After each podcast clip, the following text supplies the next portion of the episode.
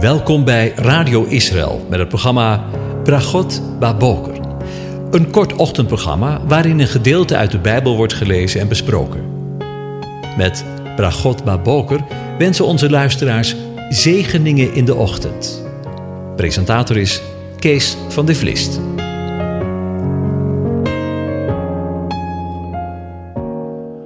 Goedemorgen, luisteraars. Vanmorgen gaan we nu alweer voor de vijftiende keer nadenken over Psalm 40, een gedeelte daarvan. Ik lees het aan je voor. Heren, u zult uw barmhartigheid niet onthouden. Laat uw goede tierenheid en uw trouw mij voortdurend beschermen. Want rampen, niet te tellen, hebben mij omvangen. Mijn ongerechtigheden hebben mij getroffen en ik heb ze niet kunnen overzien. Zij zijn machtig veel meer dan de haren van mijn hoofd. En mijn hart heeft mij verlaten. Laat het u behagen, heren, mij te redden. Heren, kom mij spoedig te hulp. Laten samen beschaamd en schaamrood worden van wie wij naar het leven staan, om dat te vernielen. Laat terugwijken en te schande worden wie vreugde vinden in mijn onheil. Laat als loon op hun smaad verwoest worden die tegen mij zeggen: Haha! Laat in u vrolijk en verblijd zijn, alle die u zoeken. Laat wie uw heil liefhebben voortdurend zeggen: De Heere is groot. Ik ben wel ellendig en arm, maar de Heere denkt aan mij. U bent mijn helper en mijn bevrijder, mijn God. Wacht niet langer. Ja, over bergen en dalen gesproken. En vandaag maken we een begin met het nadenken over het laatste gedeelte van deze indrukwekkende Messiaanse psalm. Messiaans, omdat de hele psalm spreekt over de vanzelfsprekend David, maar als het ware over het hoofd van David heen, over Christus, de Messias, David, als type van de Messias. In dit laatste gedeelte van de psalm is de aard van de psalm een heel andere dan in het voorgaande van de psalm. In het eerste gedeelte richtte David zich op wat de Heere, JHWH, in het verleden in zijn leven gedaan heeft. En loofde en getuigde hij ervan over de Heere. Getuigde hij ervan dat de Heere de aanwezige was in zijn leven. In het tweede gedeelte van de psalm zijn we getuigen van Davids grote nood waarin hij verkeert. En zo is het ook in het leven van misschien ook van jou.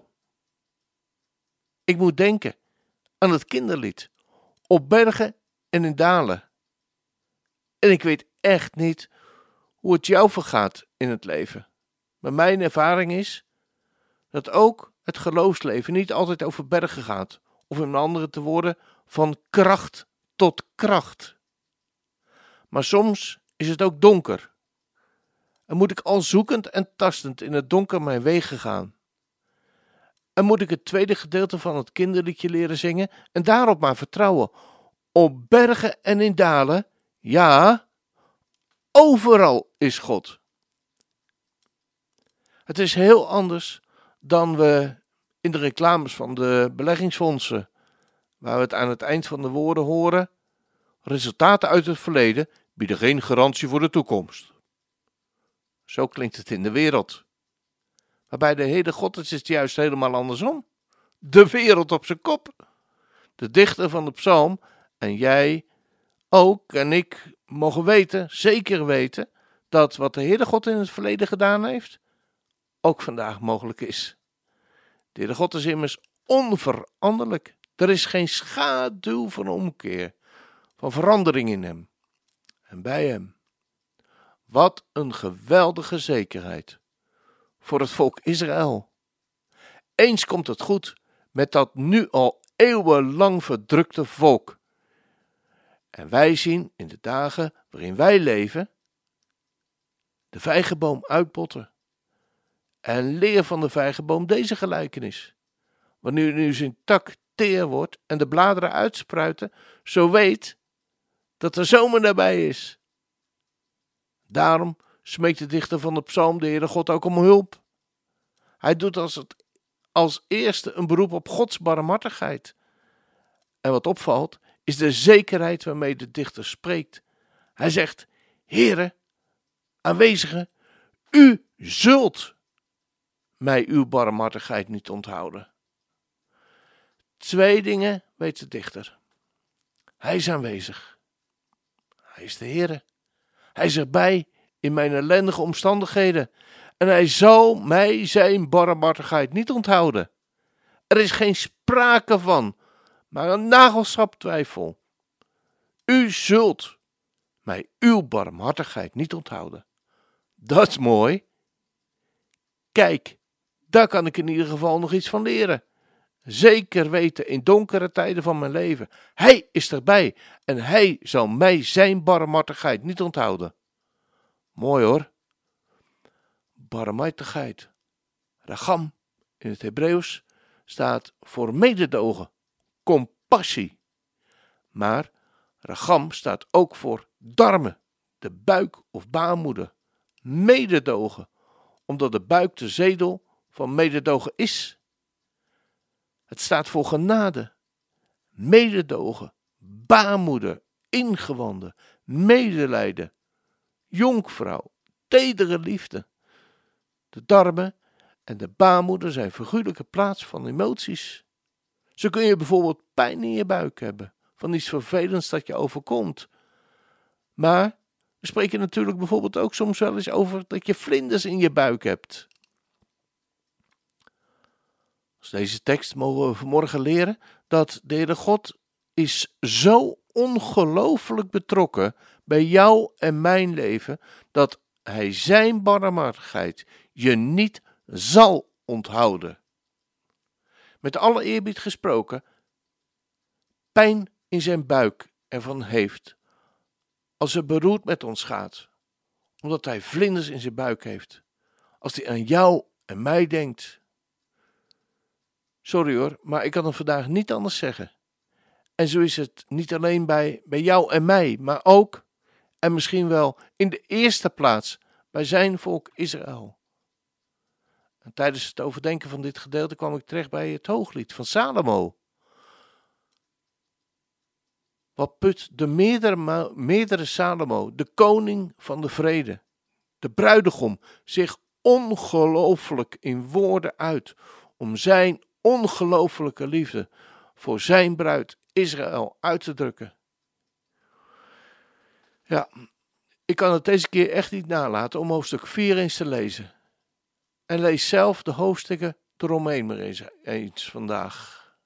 We lezen in hoofdstuk 4 dat hij zegt, David, de meerdere, sorry, Salomo, de meerdere Salomo, de Heer Jezus, God, zie, u bent tegen Israël, zie, u bent mooi, mijn vriendin, zie, u bent mooi. Uw ogen zijn als duiven, van achter uw sluier. Uw haar is als een kudde geiten die neergolft van het gebergte van Gilead. Uw tanden zijn als een kudde pas geschoren schapen, die, zich, die zijn opgekomen uit de wasplaats. Alle werpen ze tweelingen. Geen van hen is zonder jongen. Als een scharlakenrode draad zijn uw lippen, en uw spreken is bekoorlijk. Als een opengesprongen granaatappel zijn uw slapen door uw sluier heen. Uw hals is als de toren van David, in lagen gebouwd. Er hangen duizend schilden aan, en allemaal schilden van helden. Uw beide borsten zijn als kalfjes, de tweeling van een gazelle die tussen de lelies weiden. Tot de wind van de dag opsteekt en de schaduwen vluchten, zal ik naar de Merenberg gaan, naar de Wierookheuvel. Let op wat hij zegt over Israël, zijn bruid, alles is mooi aan u, mijn vriendin. Er is geen enkel gebrek aan u. Kom met mij van de Libanon af, bruid. met mij van de Libanon af. Kom, daal af naar de toppen van Amana, weg van de top van Senir, van, het, van de Hermon, van de holen van de leeuwen, van de bergen met de luipaarden. Dan zegt hij tegen zijn, Israël zijn bruid, u hebt mijn hart veroverd, mijn zuster, mijn bruid.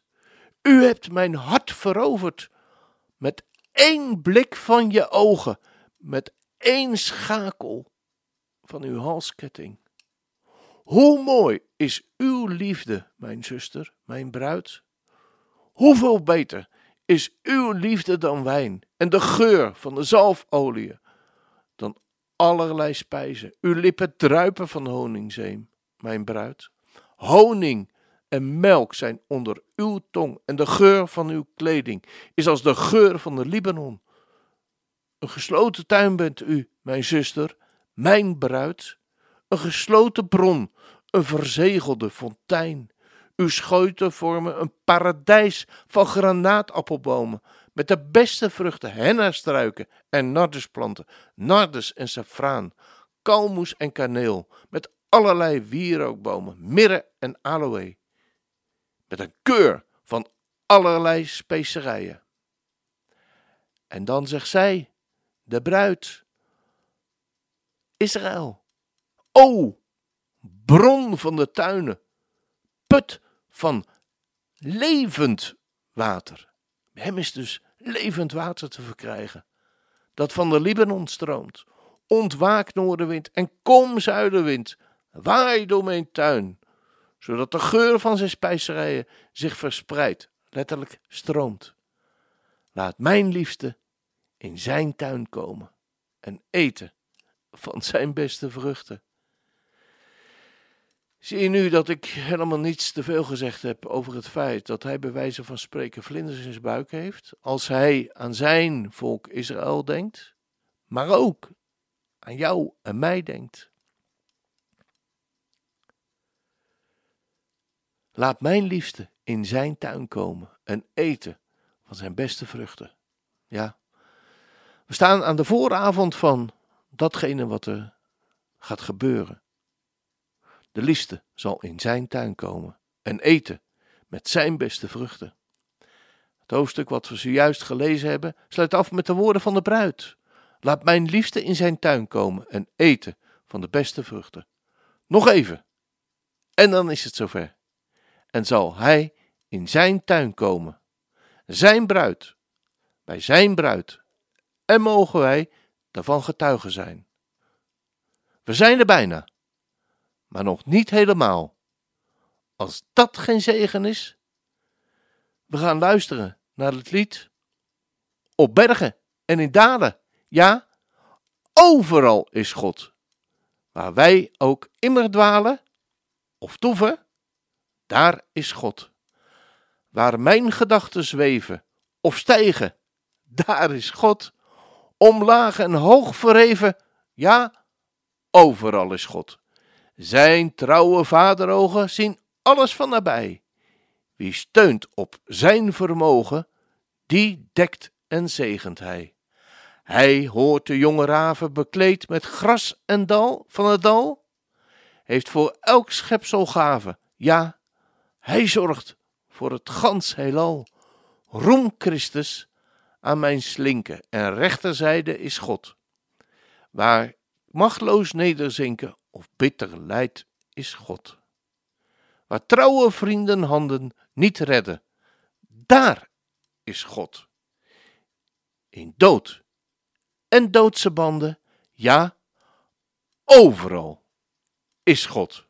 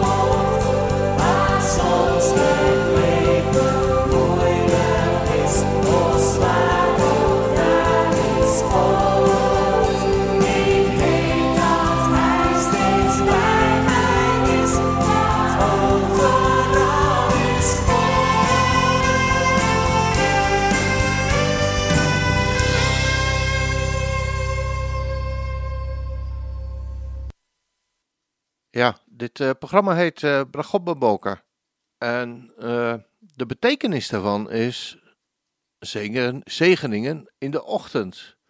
Nou, als we nu weten dat God overal is, God overal bij is, wat een zegen is dat al.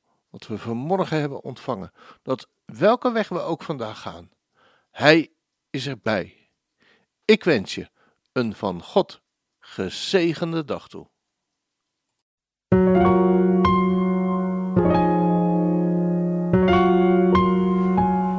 U hebt geluisterd naar het programma Bragot Baboker. Een kort ochtendprogramma waarin een gedeelte uit de Bijbel wordt gelezen en besproken. Wilt u het programma nog eens naluisteren, dan kan dat. Ga naar radioisrael.nl en klik onder het kopje radio op Uitzending gemist.